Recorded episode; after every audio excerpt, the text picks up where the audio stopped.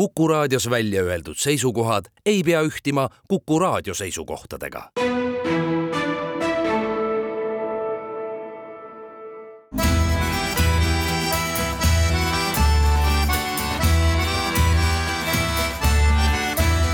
Kirillitsas Eesti tere päevast, head raadiokuulajad, eetris on Kirillitsas Eesti, saatejuhiks nagu alati Pavel Ivanov ja hea meel on selle üle, et täna stuudios koos minuga on hea kolleeg ERR-ist, toimetaja Jevgeni Valahonskaja, tere! tere! kuidas suvi läks sul? kuule hästi, käisin Hispaanias perega, natukene tegin tööd ka, ehk siis toimetaja töö on igapäevane. ja, ja, ja teil hakkas ka nüüd uus hooaeg, uued ja. saated, mõningad, mõningad äh, saated, vanad saated uues kuues, aga ma olen tähele pannud, et näiteks sinu toimetatud saade äh, Oma tõde, Svaja Pravda, et viimased hooajad, kaks hooaega on keskendunud meditsiinile, miks? Tead, me sel hooajal seda nagu enam ei tee, et sa mõtled praegu seda, et meil olid nagu eraldi meditsiinilised ja, saated. täiesti nagu, nagu plokid. ja, ja täiesti plokkidena, üks kuu hooajas me oleme rääkinud just puht uh, meditsiinist, aga sest et see teema pakub inimestele huvi, meie vaataja on noh tuleb tõdeda, et natukene vanem naine, naine üle viiskümmend ja kelle jaoks see meditsiini küsimus seoses tema perega, seoses tema sugulastega, naistega, mehega, äh, eakate vanematega ja lastega on ülioluline ja siis me tegimegi seda eksperimendi, aga sel aastal me otsustasime, et ikkagi plokkidena me seda enam ei tee.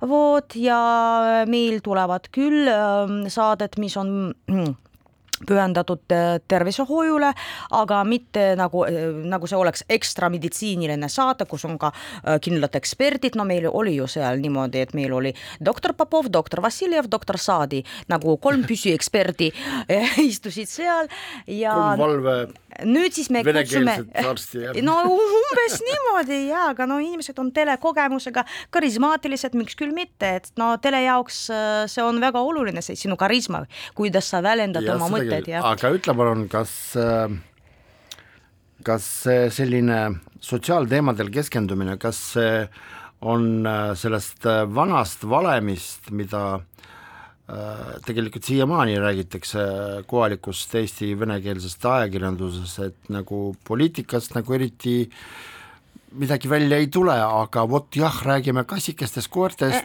vana, vanaemade tervisest. ei ole, ei ole see sedasi lihtsalt äh, oma tõde on juba äh, algusest peale kogu aeg olnud saade, mis on pühendatud sotsiaalsete probleemidele ja ka valdkonna probleemidele ja äh, selles saates on niinimetatud kangelased ehk siis inimesed, kellel on oma kogemus, oma lugu, et tavainimesel ei ole ju poliitikas mingisugust kogemust, on väga raske tavainimestega ja nende on oma arvamus. no ja. oma arvamus ja, aga siis aga see on, aga siis see on teine saate, vaata. aga kuidas on... sulle üldse tundub, et kas äh, Eesti venekeelne ajakirjandus on viimasel ajal selles turbulentses äh, sisepoliitilises või siis siseühiskondlike teemade maastikul äh, on kuidagimoodi ja, ennast äh, upitanud. et selles mõttes, et mulle tundub, et me praegu räägime sellest rohkem ja kui me tuleme nüüd tagasi sinna ETV Äh, plussi saatekavale, ehk siis meil on olema, olnud seda Kes-keda saate, see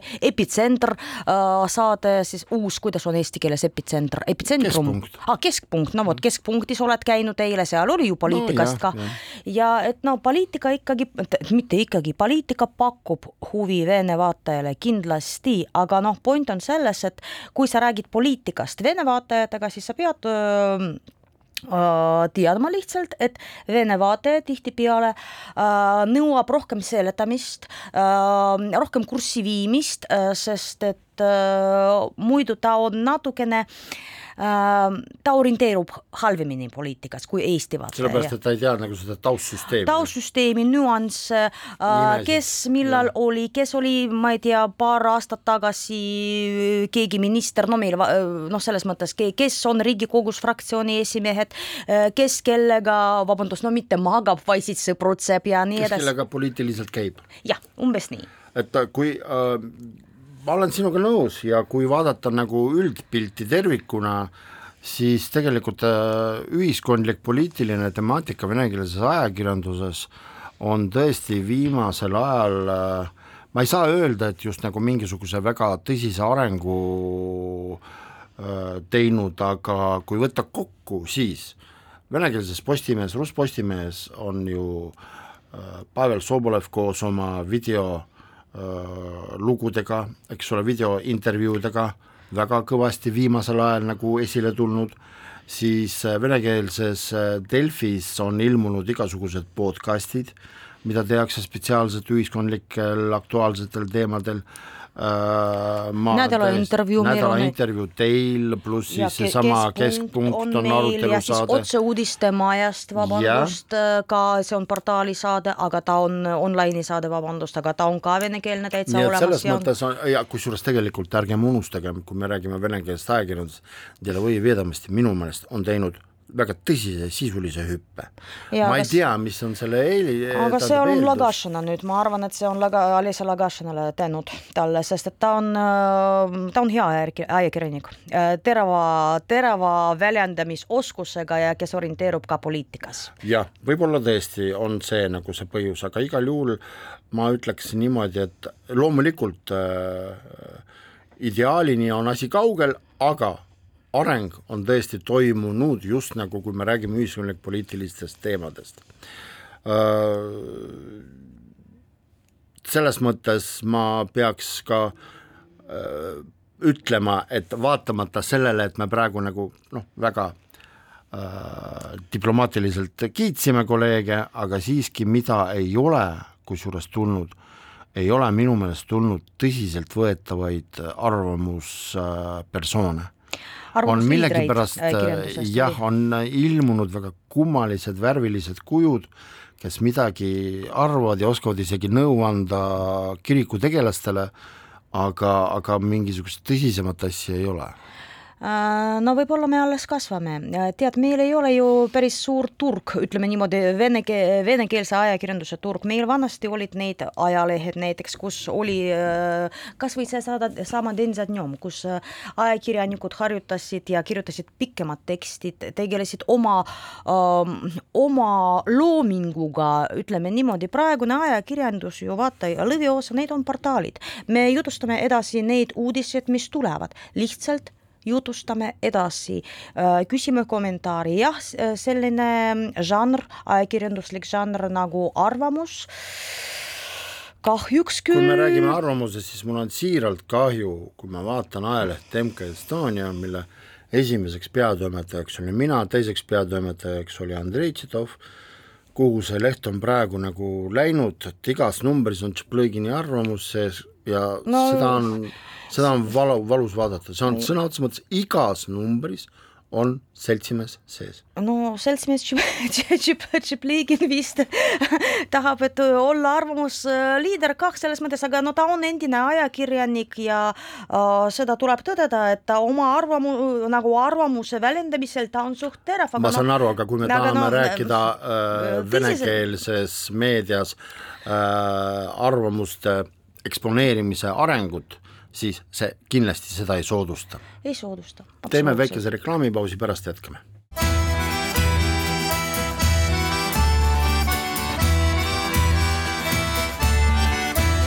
Kirillitsas Eesti. saade jätkub ja nüüd me Jevgeniaga hakkame rääkima siis konkreetsematest teemadest ja teema number üks, millest juba neljandat või viiendat päeva räägib terve meedia, sealhulgas ka venekeelne meedia, ja nagu sa õigesti märkisid, et eile oli ka ETV Plussis väitlussaade sel teemal, see on siis Keskerakonna uus liider Mihhail Kõlvart äh,. Jaa äh,, võib-olla kõikidest nendest asjadest on juba väga palju räägitud, aga ma tooksin eilsest saatest äh, sinuga poleemika jaoks kaks väga olulist asja. esmane tähelepanek oli see, et tegelikult, kui vaadata ajakirjanduslikku pilti, siis me kõik eile stuudios tegelikult märkisime, et see, et ta ei ole nagu eestlane, ei mänginud mitte mingisugust rolli ajakirjanduse jaoks ja oponentide jaoks, Hussari jaoks midagi veel, eks ole, midagi mängis, aga meedia jaoks see ei ole enam tähtis. Ja lähtudes sellest me äh, julgesime stuudios välja öelda seda mõtet, et tegelikult see poliitikas äh, rahvusküsimus on tõesti läinud sisuliselt maha. No võib-olla meedias ta on läinud sisuliselt maha, ma usun, et poliitikas ta on ikkagi on. Ja noh, ütleme niimoodi, äh, ma arvan ka, et asi muutub paremaks ja meie venekeelne poliitik, aga kes on, kes siin elab, kellel on samasugused väärtused nagu, nagu meil kõigil, ütleme niimoodi, et miks küll mitte, vot aga nagu poliitilised oponendid, no mõned võib-olla võivad seda Vene kaardi veel äh, läbi mängida. ja me seda... puudutasime ka seda teemat ja ma ei saa nagu kõikide eest muidugi rääkida, aga enda eest võin ja pean äh, et äh, minu sõnum, minu tähendab arusaam asjast oli see, et äh, et ma ei tea, kas sa sellega nõustud või mitte, et minu meelest seda Vene kaarti, nõndanimetatud Vene kaarti, kasutavad ka need, sealhulgas ka venekeelsed poliitikud, ükspuha mis parteis mm, -hmm. kes on tegelikult administratiivressurss, kellel mitte millegiga teisega teemaga ei ole silma paista. no jah, see ongi, see ongi, see on selline viimane trump, vot, ja no kuna oleme ausad, ühiskond oli ja praegu ka mõnes mõttes on lõhestatud, see on ju väga mugav positsioon, näiteks sa räägid eesti, kui sa oled eestikeelne poliitik näiteks ja äh, Eesti auditooriumile sa räägid ühte asja, Vene auditooriumile äh, sa räägid teist asja, no siin näiteks äh, ongi selle meie EKRE edusaladus venekeelsete seas, lihtsalt see, mis nad räägivad Eesti meedias, äh, on natukene teine võrreldes sellega, mis nad räägivad meie vene meedias ja sotsiaalmeedias.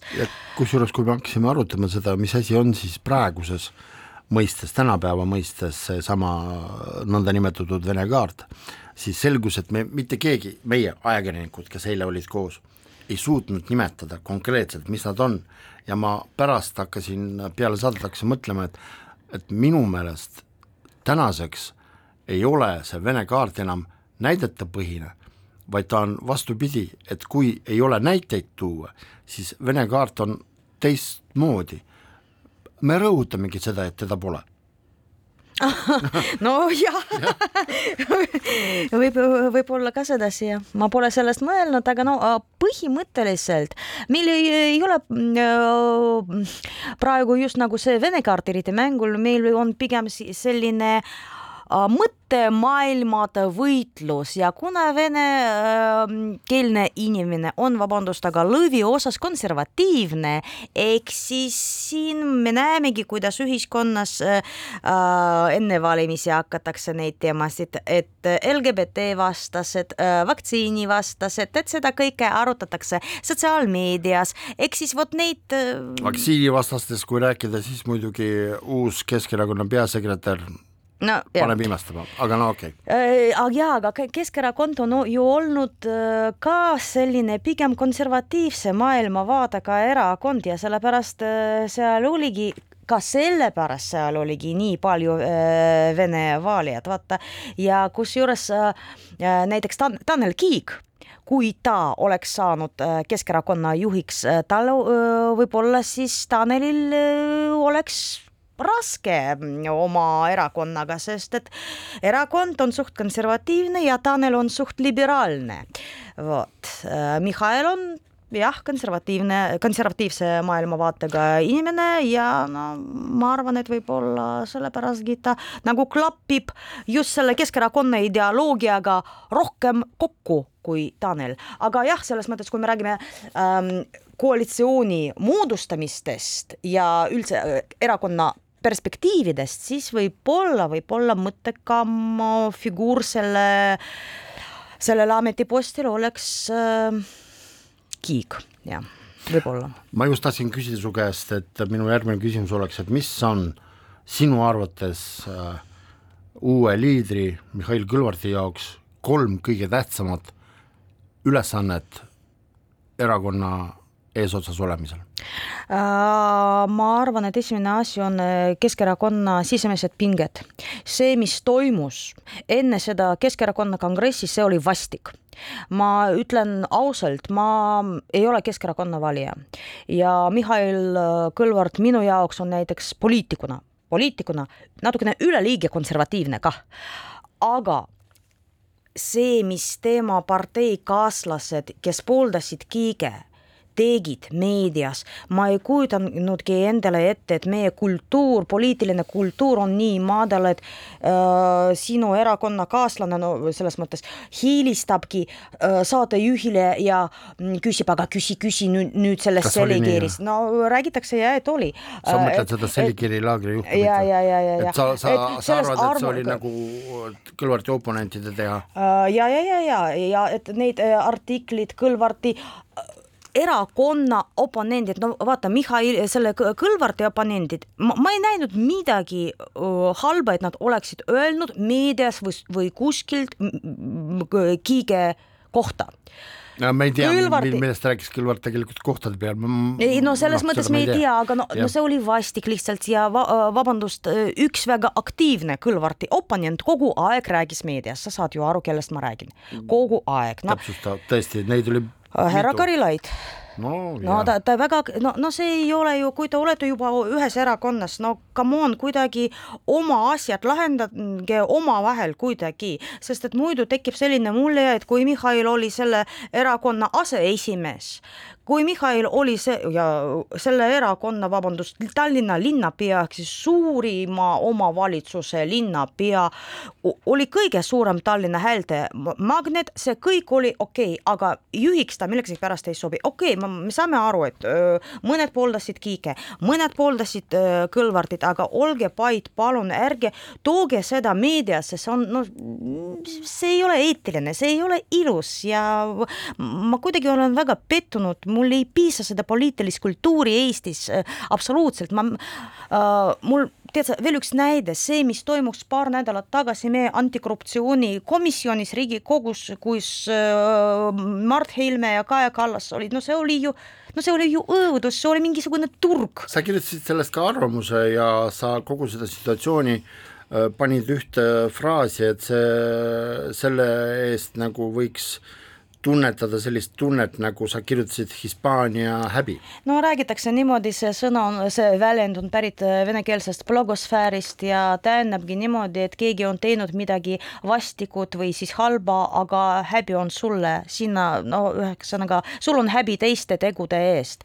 ja see ongi see, mida ütleme niimoodi, liberaalse erakonna valijana liberaalse maailmavaate ka inimene, ma vaatan praegu, mis toimub ja mulle see ei meeldi.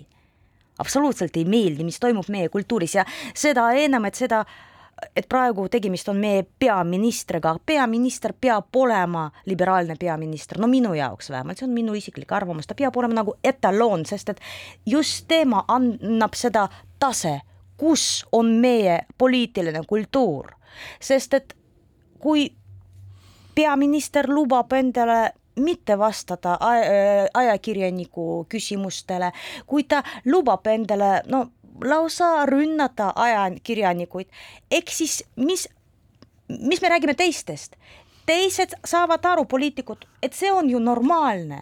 kusjuures tegelikult äh, ma ei mäleta, kus kohas ma seda lugesin või kuulsin raadiost või telekast Äh, nüüd on ju, kui, kui varem oli käibefraas oli see, et kõiges on süüdi Ukraina sõda mm, -hmm. siis nüüd, kui näiteks peale seda skandaali peaministri abikaasa ümber äh, tekkis info sellest, et väga paljud Eesti ettevõtted ajavad Venemaaga äri edasi. nüüd siis selle õigustamiseks tekkis teine käibefraas, aga peaminister tohib miks, miks siis mina ei tohi? E, tohi ja just nimelt no, aga selles mõttes, no see, see on, see on spekulatsioon, see on yeah. pseudo, minu arvates ma oleksin väga rahul, kui just siis, kui see skandaal hakkas keema, Kaja Kallas ütleks jah, inimesed, mul on kahju ma palun vabandust, me kuidagi lahendame, et ta kommunitseeriks, et see aga... kommunikatsioon oleks selge. Ja kui me räägime, vabandust, Pavel, see on minu jaoks okay, väga okay. oluline teema, et kui me ja kui me äh, räägime tagasiastumiseks ja siis ma olen kindel, et õigel ajal oleks vaja seda teha. Praegu, rong on juba läbi. Ja praegu mingisugusest, sugust mõtet selle tagasiastumisest juba pole enam. aga tuleme siiski Keskerakonna juurde tagasi äh, väga paljud on äh, arutanud ja ka eilse ETV Plussi saate äh, keskne küsimus oli, et kas Mihhail Kõlvartist saab peaminister või mitte. praegu enne reklaamipausi ütle jaa või ei. ei. väike reklaamipaus, pärast jätkame saadet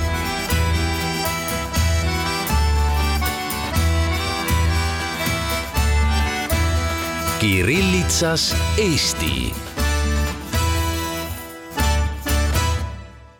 jätkame saadet, Jevgeni Valahonskaja ja Pavel Ivanov on stuudios ja nüüd, kui sa vastasid küsimusele, kas äh, sinu arvates Mihhail Kõlvart saab peaministriks või mitte äh,, see on hea küsimus, küsimus, mis tegelikult hea. haakub praeguse idiootliku situatsiooniga Narvas kus on ka tegelikult põhjust rääkida Keskerakonnast. ja minu nagu see valem on üles ehitatud järgmiselt, et kui, kas te, tähendab, kui küsida keskerakondlase käest praegu, kas te kujutate endale ette, et teoreetiliselt peale kahekümne seitsmenda aasta Riigikogu valimisi valitsuse moodustab Keskerakond ja peaministrikandidaadiks on, nagu meil tavaks on, liider, siis oletame, et Mihhail Kõlvart on peaminister. kas keskerakondlane praegu kujutab endale ette, et Eesti Vabariigi peaministrina Mihhail Kõlvart koos oma kolleegidega teistest Euroopa Liidu riikides Brüsselis olles kirjutab alla mingisugusele Euroopa Liidu deklaratsioonile või siis mingisugusele dokumendile, mis on näiteks Venemaa suhtes negatiivne sulle keskerakondlane vastab ei. nüüd tuleme tagasi Narva, praeguse situatsiooni, kus antud hetkel kõige kõlavam argument Katri Raigi maavõtmiseks on Jevgrafievi poolt, kes on määratud ühindama Keskerakonda Narvas, on see, et Katri Raik läks nii kaugele, et äh, võttis enda kaela ühehäälselt otsustada, et me muudame Narva linna nimed.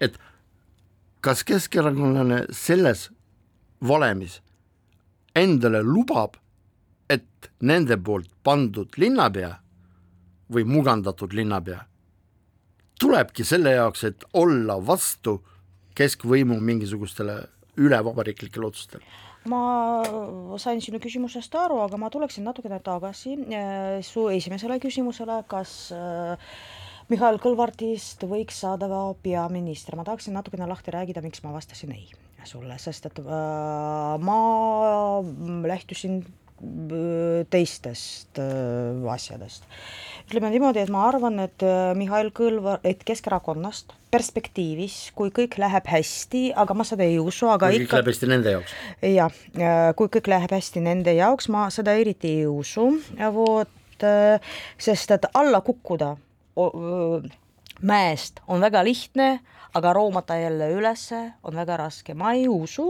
aga okei okay,, oletame, et Keskerakonnal läheb hästi ja järgmistel äh, valimistel Keskerakonnast saab, ähm, äh, Keskerakond võidab valimisi ja sellest Keskerakonnast saab nagu peaministri erakond, ma kardan, mitte ma kardan, ma olen veendunud, et äh, inimesed, neil on hea mälu ja poliitikutel ka ja nad ei andesta Mihhail Kõlvartile seda Seligeri ja seda Narvat ja ühelt poolt ja teiselt poolt ei, võib-olla ei andestata seda, et ta käis Lvovis, pani äh, Vabaduse väljakule Venemaa tangi äh, jäänused. no jah, ja, ja selles mõttes ma, kui Mihhail Kõlvart ütles oma intervjuus, et tal ei ole ambitsiooni äh, saada peaministriks, küll aga tal on ambitsioon, et Keskerakonnas saa, saaks peaministrierakond, ma arvan, et see oli tark otsus Mihhail Kõlvarti pool ja kui ta tõepoolest teeb sedasi, et jah, Keskerakond võidab, no okei okay. kui juhul, kui Keskerakond võidab, aga Kõlvart ütleb, et okei okay,, aga peaminister on meil kiik, kasvõi näiteks, no miks küll mitte, nad ju ütlesid, et nad äh,, siis teistel koalitsioonipartneritel, eks ju, on märksa mugavat, mugavam koostööd teha Kiigega kui Kõlvardiga, asi on selles, no tuleb mängu ka meedia, vabandust, kindlasti. Ja inimesed ka tulevad mängu, et no ja tekibki olukord, et polegi siis kellelgi ka moodustada seda koalitsiooni peale EKRE-t, aga siis Mihhail Kõlvart, kes oli kogu aeg selle vastu et moodustada koalitsiooni EKRE-ga, no. siis ta peseb käed puhtaks. no tulebki niimoodi välja ja siis on ja see on absurd juba siis. ja seega ma arvan, et kui saab Keskerakond peaministri erakonnaks, siis tark oleks, nagu Mihhail Kõlvart ka ütles, et peaminister oleks mitte Mihhail Kõlvart, see oleks pretsedent vist jah, meil oli sedasi olnud ma ei ütle sulle peast, lihtsalt meil on teisi näiteid, kus äh, äh, mõne partei, mõne erakonna liider äh, ei pürginud mingisuguseks ministriks, rääkimata juba peaministrist. Seeder oli näiteks, näiteks see polnud peaministripartei ja Kõlvartiga võib juhtuda samasugune, et Maeväeliste, et Keskerakond on peale järgmist valimiste koalitsioonis, ma ei välista seda, miks küll mitte, aga point on selles, et äh, arvatavasti, et Mihhail Kõlvart, kui ta on jälle valitud Tallinna linnapeaks, jääbki Tallinnaks. seda tegi ju Savisaar ka kui ma ei eksi. kuule, kusjuures seda praegu, savisaarlust ei, no, määritakse savisaarlust ja, aga see ongi ja, aga, aga see, see ongi see, millega nad praegu mängivad. Oli suur figuur Niina Sarvik, Savisaar, pärast oli selline no natukene äh, olid natukene väiksemad äh, figuurid, aga jah. nüüd siis tuli Mihhail Kõlvart, kes tegelikult ähm, võiks äh, selle Savisaare mantli ikkagi päriselt pärida aga Vot, mis sa arvad niimoodi. sellest Narva situatsioonist, sellepärast et see on tegelikult, see on, see on hale, naljakas, aga piinlik ja tegelikult Keskerakond peaks nagu mõtlema ja me seletame raadiokuulajale, miks, miks ta on piinlik, sellepärast et kui tõesti oletada, võib-olla, tähendab, me teame a priori ja see on aktsioom, et tõesti Narva Keskerakond on lõhestunud. Mm., jah, et äh, iga partei selles olukorras, loogika ütleb tõesti, on vaja ühendada kõik on normaalne, kõik on seletatav, kõik on loogiline. ja aga, aga ühendada kui... selle nimel, et punaarmeelaste nimed jääksid Eesti, Euroopa, vabandust, linna tänavate siltide peal, see on see on lollus, see on lollus ja ma arvan, et see ei ole võimalik lihtsalt, see on Keskerakond, ma ei tea, kas just Kõlvart, aga juhatus peab kindlasti sellele tähelepanu pöörama, et see okay, ei tule kasuks isegi Kõlvardile. natukene targem see absoluutselt, ei no selles mõttes, et see ei tule kasuks isegi Mihhailile ei tule seda, see kasuks Keskerakonnale üleüldse, sest et need inimesed, kes öö, oleksid toetanud seda, et Keskerakonnas, vabandust, et Narvas on neid sildid punaarmeelaste nimedega olemas, nad on juba läinud Keskerakonnast ära, nad on juba liitunud selle, selle bufonaadiga nimega koos. Nad on juba läinud Keskerakond on neid juba kaotanud, ei ole vaja neid las- ja mingu siis silmas pidades me, see, mis toimub meil järgmistel kohalikel valimistel ja et võib-olla meil ei olegi Vene kodanikul ja halli, kas hallipassidel ikkagi jääb see õigus otta? Vene kodanikel hallipassidel no me veel õigus. ei tea üldse, kellelt ja. võetakse ära. Te peate nagu orienteeruma Eesti kodanikule ikkagi. Ja no ma, ma millegipärast olen veendunud, ei saa ju muidugi seda vahet äh, tõmmata just nagu passi järgi, aga ikkagi lõviosa no, Eesti kodanikke. Äh, viimased valimised näitasid, et ka Eesti ka kodanikud äh, tegelikult hääletavad ütleme niimoodi kahtlaste elementide poolt.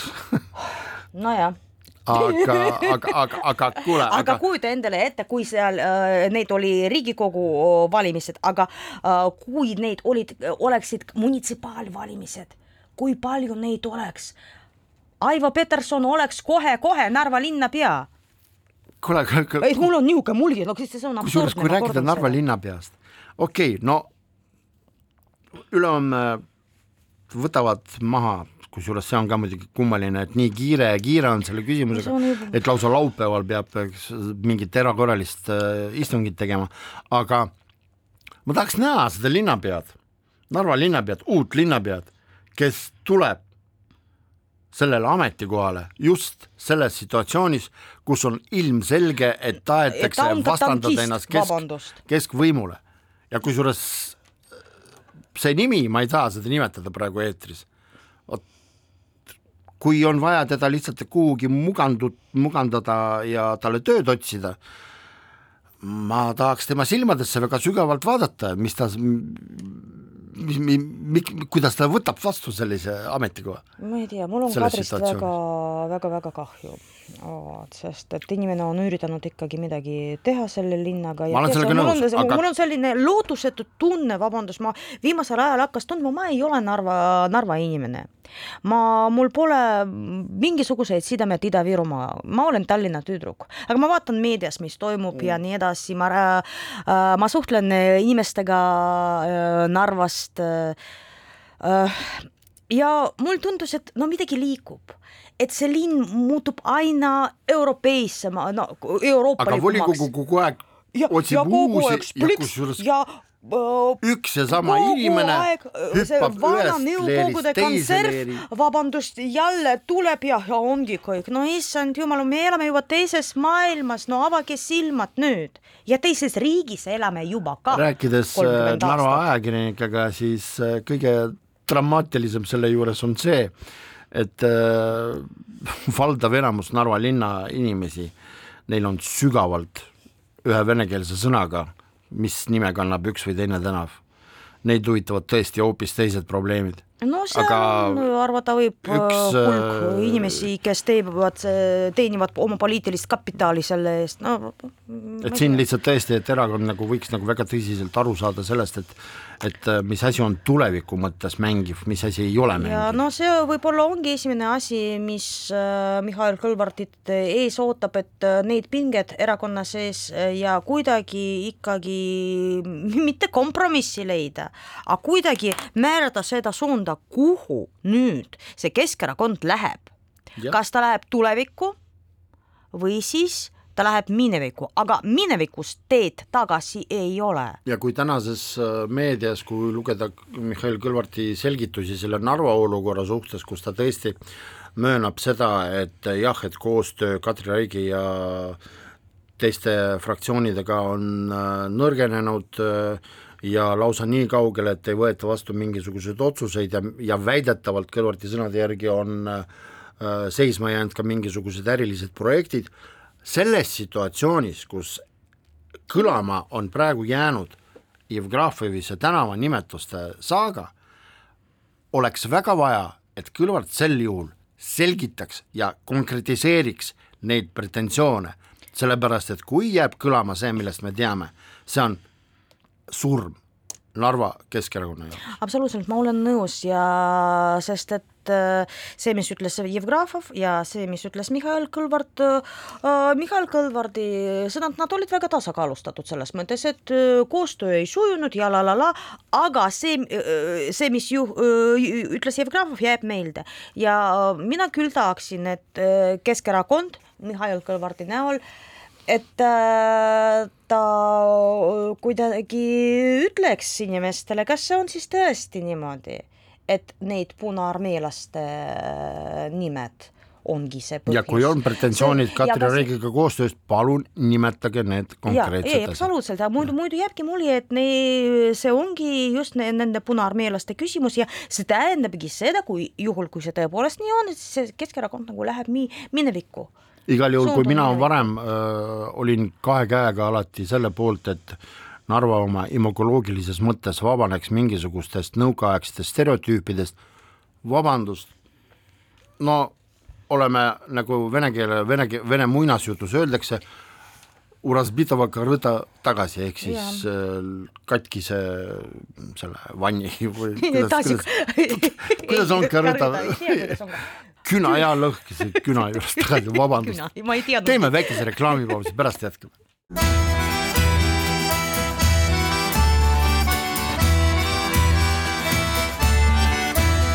Kirillitsas Eesti. meie neljapäevane dialoog jätkub otse-eetris.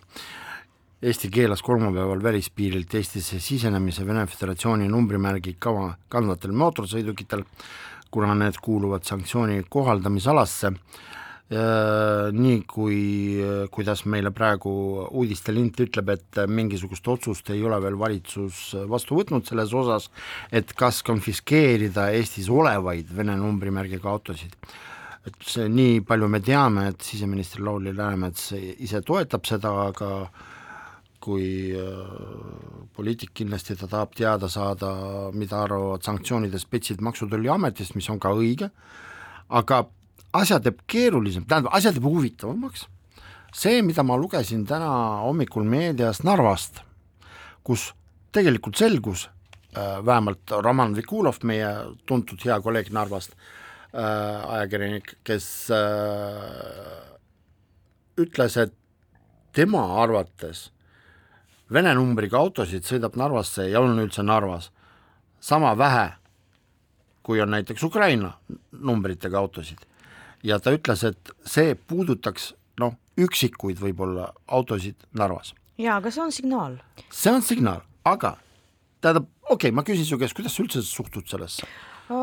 No ma ütlen niimoodi, et ma olen näinud siin, kuna jah, tõepoolest ma ei usu, et meil on siin päris palju neid äh, autosid äh, Vene numbritega ja ja kui on, siis mõned väga häirivad liiklust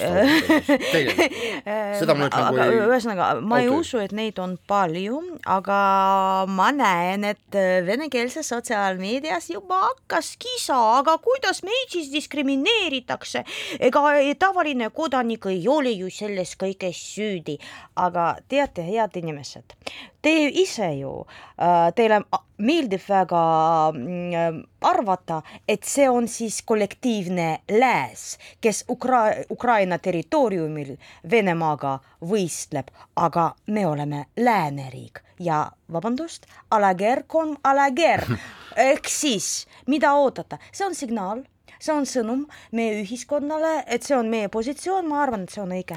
aga nüüd teine asja külg selgus, et Aleksei Navalnõi korruptsioonivastase võitluse fond, FBK, pöördus Läti, Leedu ja Eesti võimude poole palvega vaadata üle otsus Venemaa numbriga autode sissesõidukeelu kohta ja kirjas on muuhulgas öeldud, et kehtestatud piirangud kahjustavad Putini režiimi vastaseid, kes on sunnitud Venemaalt lahkuma ja vähendavad sanktsioonide efektiivsust. ehk siis on sunnitud lahkuma režiimist, no muidugi ma saan aru, et ma, ma olen siin venekeelse inimesena väga mugavas võib-olla olukorras, mul ei ole Venemaaga mingit pistmist peale emakeelt, aga mi-, minu arvates noh, kui käib kohutav sõda Ukrainas, kui seal mõrvatakse lapsi, loomi, vanainimesi, tsiviilseid inimesi ja siis väike vaene Vene opositsionäär ei saagi Euroopasse. kas neid asjad saab üldse võrrelda? tegelikult ei Euroopa seda saab, las ta sõidab liinibussiga. no las sõidab see, bussiga. see pole keelatud. no, no absoluutselt, las sõidab bussiga, las tuleb jalgsi, aga lõpetage palun ära, see on häbi, see on seesama Hispaania häbi, millest me oleme rääkinud, mul on häbi, et nad ütlevad sedasi, vabandust no ei saagi võrrelda, see on sinu mugu, mugavus, jah, auto, see on mugav. aga noh, võrreldes sellega, mis te teete, teie riik teeb Ukrainas. konfiskeerimine on vist kõige väiksem kahju sellel puhul, aga mis sa üldse arvad sellest võimalusest konfiskeerida? ei tea, ma Just ei ole nagu selles Neid, tähendab, kes on juba nagu, mida teha nendega, kes siin juba on? ma toon sulle isikliku näite näite. no ma usun, et neile tuttav... antakse võimalus, vabandust, seda ümber neil, registreerida. mul on üks tuttav äh, perekond, kes mingisugustel äh, väga kummalistel omaaegsetel põhjustel neil on selline situatsioon, et abikaasa meesterahvas on siis Sankt-Peterburis, pere on siin Tallinnas ja ta sõidab mingisuguse regulaarsega oma pere juurde ja tema autol on Vene numbrid. ja, ja mida nüüd siis teha? No ümber registreerida, no, no siin ei ole teist võimalust lihtsalt praegu. Yana Toom teadis täna rääkida hommikuprogrammis, ETV Plussi hommikuprogrammis, et numbri ümber registreerimine maksab vähemalt kaks tuhat eurot, vähemalt keegi talle no okei okay,, aga rääkinud. mugavused üldse üleüldse maksavad. mugavused maksavad jah, mugavused maksavad. no, no nii see on lihtsalt, noh. ja praegu on väga oluline, et Eesti ühiskond, et Eesti näiteks oma konsolideeritud nagu positsiooni selles suhtes, sest et jällegi see on sõnum, see on sõnum nii Venemaale kui ka meie partneritele vot, ja jällegi see ei puuduta nii palju mm, inimesi nagu praegu see ei ürit... puuduta ja ma olen aru saanud niimoodi, et tuhande kolmesajast äh, ida poolt äh, sisenevast äh, sõidukist. Ainult kakssada umbes, kuus on Venemaa registreerimismärkidega no tähendab, kakssada inimest tulevad just Eesti nagu nende autodega. Äh, mingi ja. röövliriik, et me ei, ei, meil ei, ma ei kujuta endale ette, et me lihtsalt äh, tuleme ja nüüd me konfiskeerime, ei, ma usun, et kõigile antakse võimalust, vabandust, ümber registreeruda ja kallis, aga hinnad on üldse väga kallid ja vaata, Euribor äh, tõuseb. tõuseb ka, eks siis no paratamatus ehk siis tegelikult võib öelda, parafraseerida sinu arvamust siis niimoodi, et teie riigi võimusõja pärast kannatavad, kannatategi teie, et te peate needsamad võib-olla kaks tuhat eurot välja käima no., et ümber registreerida, kui te nii väga tahate no, lääne nii väärtusi. ja kui te nii väga tahate lääne väärtusi, absoluutselt, ja kui te veelgi ja kui te arvate, et see, see ongi see lääs, mis äh, teeb seda sõda Ukraina territooriumil äh, äh, Venemaal, Venemaaga, vabandust. kui raadiokuulaja no, praegu näeks meie stuudiot, kuivõrd emotsionaalselt äh, Jevgenia seda rääkides loobib asju laua peal, siis te saaksite ära, kuivõrd hinge see talle läheb nii. aga ma tänan sind tänase vestluse eest, teemad, mida tõesti venekeelses meedias selle nädala jooksul käsitletakse, on sellised, et nad on emotsionaalsed ja võib-olla tõesti üheselt neid äh, äh, kuidagimoodi äh, mõttekäigus lahendada ei olegi võimalik, aga nii, kuidas me saadet alustasime, väga hea, et venekeelses meedias on tekkinud selline mõistlik situatsioon, kus kõike on võimalik rääkida, kus äh, populism ja lollus on läbi ammustatav ja sellest ka räägitakse. ja teisest küljest räägitakse juba tõesti väärtustest, aga mitte mingisugustest ideoloogilistest emotsioonidest. noh, emotsioonidest me täna rääkisime küll, emotsioonid olid ikkagi. suur tänu, et äh, said tulla, suur tänu raadiokuulajatele, et kuulasite meid, meie tänane saade on läbi ja kohtume nädala pärast taas.